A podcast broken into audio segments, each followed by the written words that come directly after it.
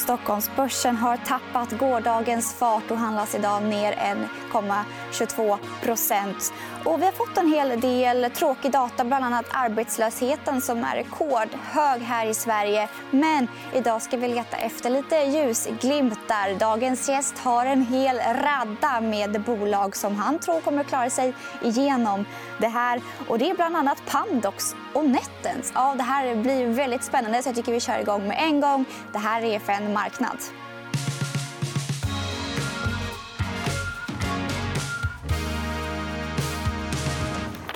Ja, och den gästen är ingen mindre än Anders Rudolfsson. Varmt välkommen. Tack så mycket. Ja, vad kul att du ville komma hit till studion. Vi har fått en del eh, dålig data som jag sa under morgonen. och Vi kommer fortsätta få dålig data. och Q1-rapporterna kanske inte kommer vara så bra de heller. Nej, vi har ju sett amerikansk arbetslöshetssiffror har varit katastrofdåliga. Och det, vi får hoppas att det inte blir riktigt illa så, lika dåligt i Sverige. Men vi är på väg. Det är många som drabbas hårt av det här naturligtvis, när det blir sånt här enormt tvärstopp som det är. Mm. Ehm, så att, eh, vi har också fått bolag som har vinstvarnat. Vi har sett några stycken. Men också några som har gjort omvänd vinstvarning. Mm. SCT var ett sånt igår. Mm. och Vi har sett Getinge. Så att, eh, det finns ju bolag som också gynnas, har, eller gynnas mer av det som händer än missgynnas. Mm. Men hur tycker du att man ska tänka med den här dåliga datan som kommer? Ska man försöka att bortse från den och räkna bort dem sen i kvartalsrapporterna? Ja, eh, jag tror att de flesta nog vet att Q1-siffrorna kommer att bli jättedåliga. Eh, och, eh, det är en uppenbar risk att Q2 faktiskt blir ännu sämre det är ju, många bolag hade ju ändå ganska bra siffror försäljning Q1, Q2, eller förlåt mig, januari, februari. Eh, och sen kom det tvärstopp i mars. Mm. Eh, och sen nu är det ju så att Volvo stoppade sin produktion där i mitten, slutet på mars och kommer att inte öppna upp förrän i maj.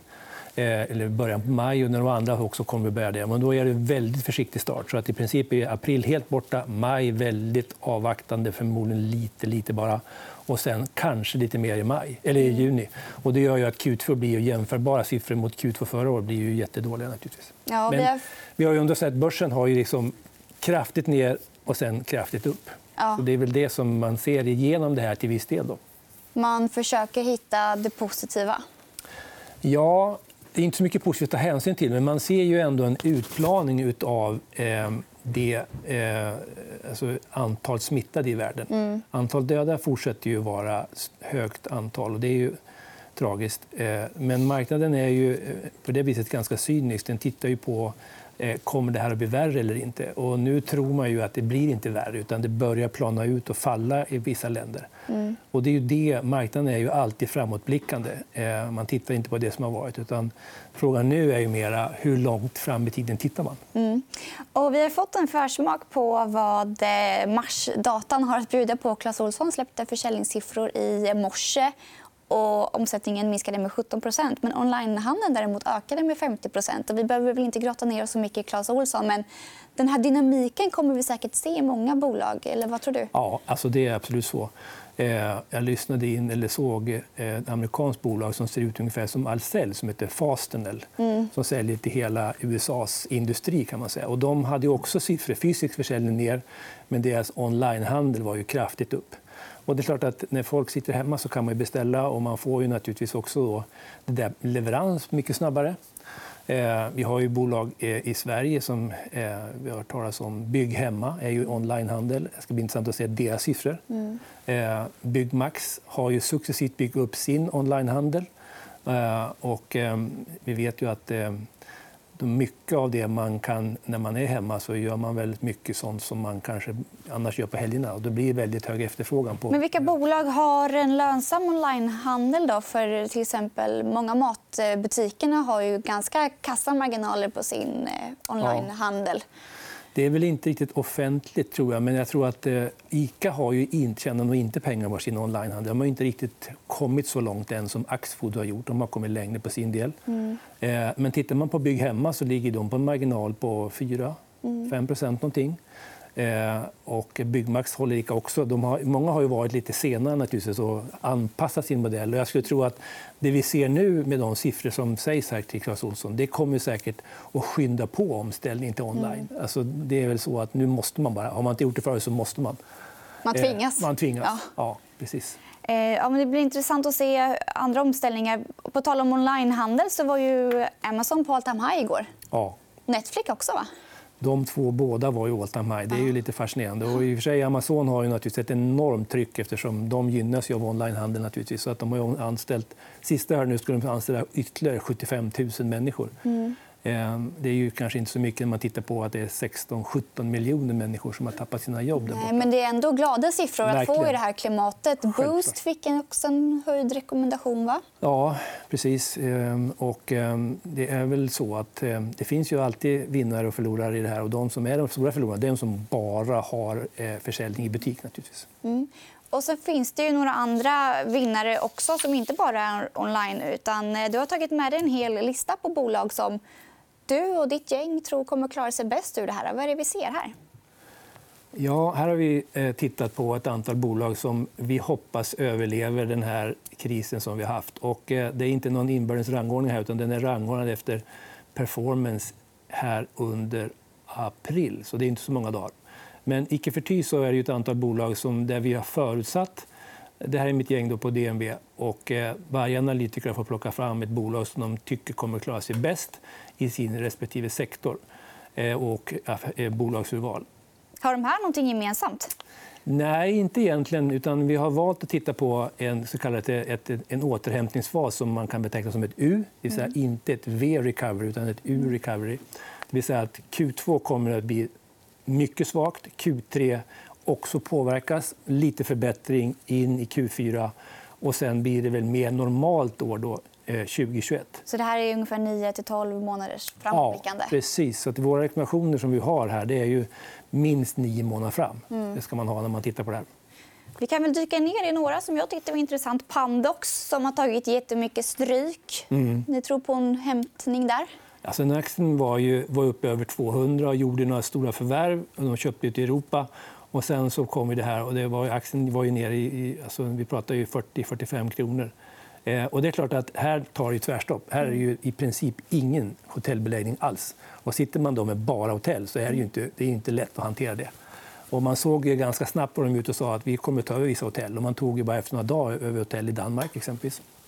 Eh, men man måste titta lite längre. De har stor kassa och de kan vänta ut det här. Och de har lyckats. De har varit med förr. De var med i finanskrisen lyckades också parera det då. Mm. Eh, så att, likadant här så är det ju då att eh, ska man titta på vad värdet av fastigheterna också är så klart, de får också en påverkan. Men man skulle man titta på vad book value på fastigheten är så är det ju klart över 200 kronor. Mm. Och nu handlas det halva det. Eh, men just nu tittar man på earnings och man tittar på risken för nyemission. Mm. Den ligger ju där naturligtvis, men vi tror man kommer att klara det. Och Eh, Netent tycker jag också är lite intressant här på listan. Jag hade ju kanske tippat på att Evolution Gaming skulle vara med där istället. Ja, det är ju flera bolag som är, klarar sig bra i den här miljön. Och just nu så är det naturligtvis spelbolag, eller gamingbolagen eh, och spelbolagen har lite olika karaktär. Då. Men mm. Netent drar ju lite nytta just nu då av att det har varit problem för Evolution. Det har varit stängt i deras spel, eh, deras eh, spelproduktion i Georgien. Mm. Eh, och det där har ju då Netent gynnats. De har dessutom gjort ett stort förvärv i England. Och vi tror ju att det kommer att bli successivt lite bättre organisk tillväxt i det här bolaget nu. Och de handlas ju väldigt lågt, eh, givet många andra av de här. Och framförallt gentemot Evolution. Då. Mm. Och så måste vi prata lite verkstad. Vi såg ju på listan Autoliv, eh, vi såg Volvo och Sandvik. Och de handlas väl till en rejäl rabatt. Volvo är ju alltid i och för sig ganska billigt. Men... Ja, alltså här är ju frågan som sagt eh, hur och när kommer man att öppna upp den här eh, fabrikerna igen. Och när man tittar på Volvo hade skulle alltså dels betala en utdelning och så skulle man dessutom en extrautdelning. Och den förskjuts ju då givet det läget vi har. Mm. Skulle man våga tro att det återhämtar sig under hösten och att det in i 2021 liksom är på normal nivå då börjar det närma sig kanske maj nästa år igen när man ska betala ytterligare utdelning.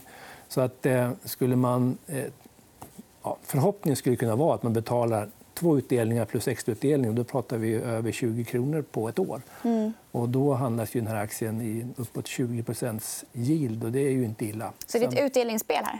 Ja, det är väl en kombo. Skulle jag säga. Alltså, Volvo har gjort fantastiskt. Och nu får man ju verkligen testa. De har ju då under ett antal år eh, gjort om bolaget för att bli då, att kunna parera ordentliga sättningar i konjunkturen. Och nu blir det ju verkligen en sån test på det. Mm. Eh, och då eh, har man ju liksom förhoppningen att man ska kunna vara lika duktiga då, som Scania alltid har varit. Mm. Men förra finanskrisen, då skötte inte det så bra, Volvo? Nej, då var det ju likadant då gick det ju väldigt snabbt. Och då hade inte, då, det var ganska länge sen. Och, sen dess och då förstod man att vi måste göra om vårt sätt att hantera vår produktion och vi måste få till mycket mer eftermarknad. Har de lärt sig det nu? Det är det vi får hoppas. Mm. Vi tror det. Mm. Och jag tror att marknaden tror det också. Och de har gjort ett fantastiskt jobb. Så det är ett helt klart ett nytt bolag. Men det går inte att parera sånt här tvärstopp på en gång. Det går inte. Nej. Och vi ska komma in på bank också. Men med det här sagt, det här är alltså ett år framåt. Det kan ju fortsatt gå ner då när vi får dåliga Q1 och Q2-rapporter. så Det får man ju ha i åtanke. Ja, absolut. Och, eh, så det är väl egentligen det som är the verdict nu, då, eller going forward. Eh, hur ska vi tro att det blir en double dip här? Det vill säga att vi ska ner och testa gamla lows igen. Mm. Eller har vi sett det värsta? Och, eh, det var ju så snabb och så stor nedgång Det värsta kan vi inte ha sett än. Det beror på vad vi pratar om det värsta. Om det är på aktiemarknaden eller om det är earnings. Jag pratar aktiemarknaden. Okay. Så du tror att det kommer att vara lägre, vi kommer att ha lägre aktie igen än vi hade förra gången i mars? Ja. ja. Mm. Ja, vi får se vem som får rätt. Men bank, då. Ja. Eh, vi får ju lite banker idag. Amerikanska banker. Vi fick JP Morgan kom igår. Mm. Vi börjar med svenska banker. Du mm. och gänget, nu refererar jag till dig och ditt ja. gäng igen, höjde rekommendationerna för svenska banker. Nej, det gjorde vi inte. Vi ändrade inte rekommendationerna. Vi har faktiskt köp på alla banker. Mm. Eh, men vi gjorde en liten update inför rapportperioden som kommer. Här. Och eh, vi ser att det kommer att komma kreditförluster. Eh, Swedbank var ute bara för någon vecka sen och tog kreditförluster. Och man ser ju framför sig nu då att man måste göra av, alltså man gör bokningar av vad man tror sig se för kreditförluster. Och de kommer ut med drygt 2 miljarder. Vår prognos är att man kommer att göra någonstans 25 30 punkter i kreditförluster och i, i, av sin omsättning. Och det, eh, det blir utlåning, förlåt, alltså en utlåning. Och då blir, innebär det någonstans runt 5 miljarder i cirkus per bank. Mm. Att jämföras då med finanskrisen där bankerna, svenska banker ungefär fick 20 punkter i kreditförluster, det vill säga 2-3 miljarder. Hade staten och Riksbanken ungefär samma krispaket då? Att bankerna fick låna ut till eh, Nej, företag? då, var det ju, då gick man in och stöttade bankerna direkt. Mm. Eh, så då var det ju annan typ av kris. Får man väl säga. Eh, då var det, ju, det fanns liksom ingen likviditet. Du kunde inte refinansiera det. Nu kan du refinansiera. Det finns ju en bondmarknad. Även om det har varit väldigt stökigt där så finns det möjlighet att göra det. Och bankerna är ju väldigt välkapitaliserade. Så de klarar en ordentlig smäll. Här. 5 miljarder är ju inte speciellt mycket för någon av bankerna. Nej. Nej. Men vad tycker du? Är det inte lite märkligt att eh, när, företag, eller när bankerna lånar ut till de här stackars företagen som håller på att gå omkull om de går omkull så får bankerna ta skiten? Ja, vi har inte sett det sista där. Nej. Kan jag, tänka mig. Alltså jag tror att bankerna måste ta hänsyn till sina aktieägare och göra sin bästa bedömning av vilka kunder man ska ha. Så är det ju mm. självklart. Ehm, men eh, jag tror inte vi har sett sista ordet där. Nej. Och Gud vad jag eh, tycker till idag. använder fula ord och jag är väldigt stark i mina åsikter om börsen. Ja. ja. jag får lugna mig. Jag undrar istället vad du tycker om amerikanska bankerna. Har du någon förväntan för ikväll? Egentligen inte så. JP Morgan och Wells Fargo tog ju båda stora kreditförluster precis likadant där. Vi pratar ju 7 miljarder var väl, dollar som eh, JP Morgan tog. Goldman Sachs kommer idag och då Bank of America. De kommer också visa naturligtvis kreditförluster. Mm. Eh, bankerna igår var ner 2-3 procent, någonting, 3 kanske. Eh, var upp till att börja med. Så att det, det känns kanske så att man... Det brukar alltid vara så när man seeing is believing. Mm. Och, där, och man får inte glömma bort att bankerna generellt har börsen gått väldigt bra. Nu är det upp till bevis lite grann. Hur bra blir det? Q1 blir dåliga, det vet vi. Frågan är vågar de ge någon guidance. Mm. Det vågar ju vi. Ja, du. ja, jag ska sluta med det tills imorgon. För idag är EFN Marknad slut, men vi är återigen här i studion eller över Skype, vem vet, imorgon. Då kommer Mattias Martinsson och jag vet att det blir prat om investmentbolag då, så kolla då. Och tack så mycket, Anders Rudolfsson.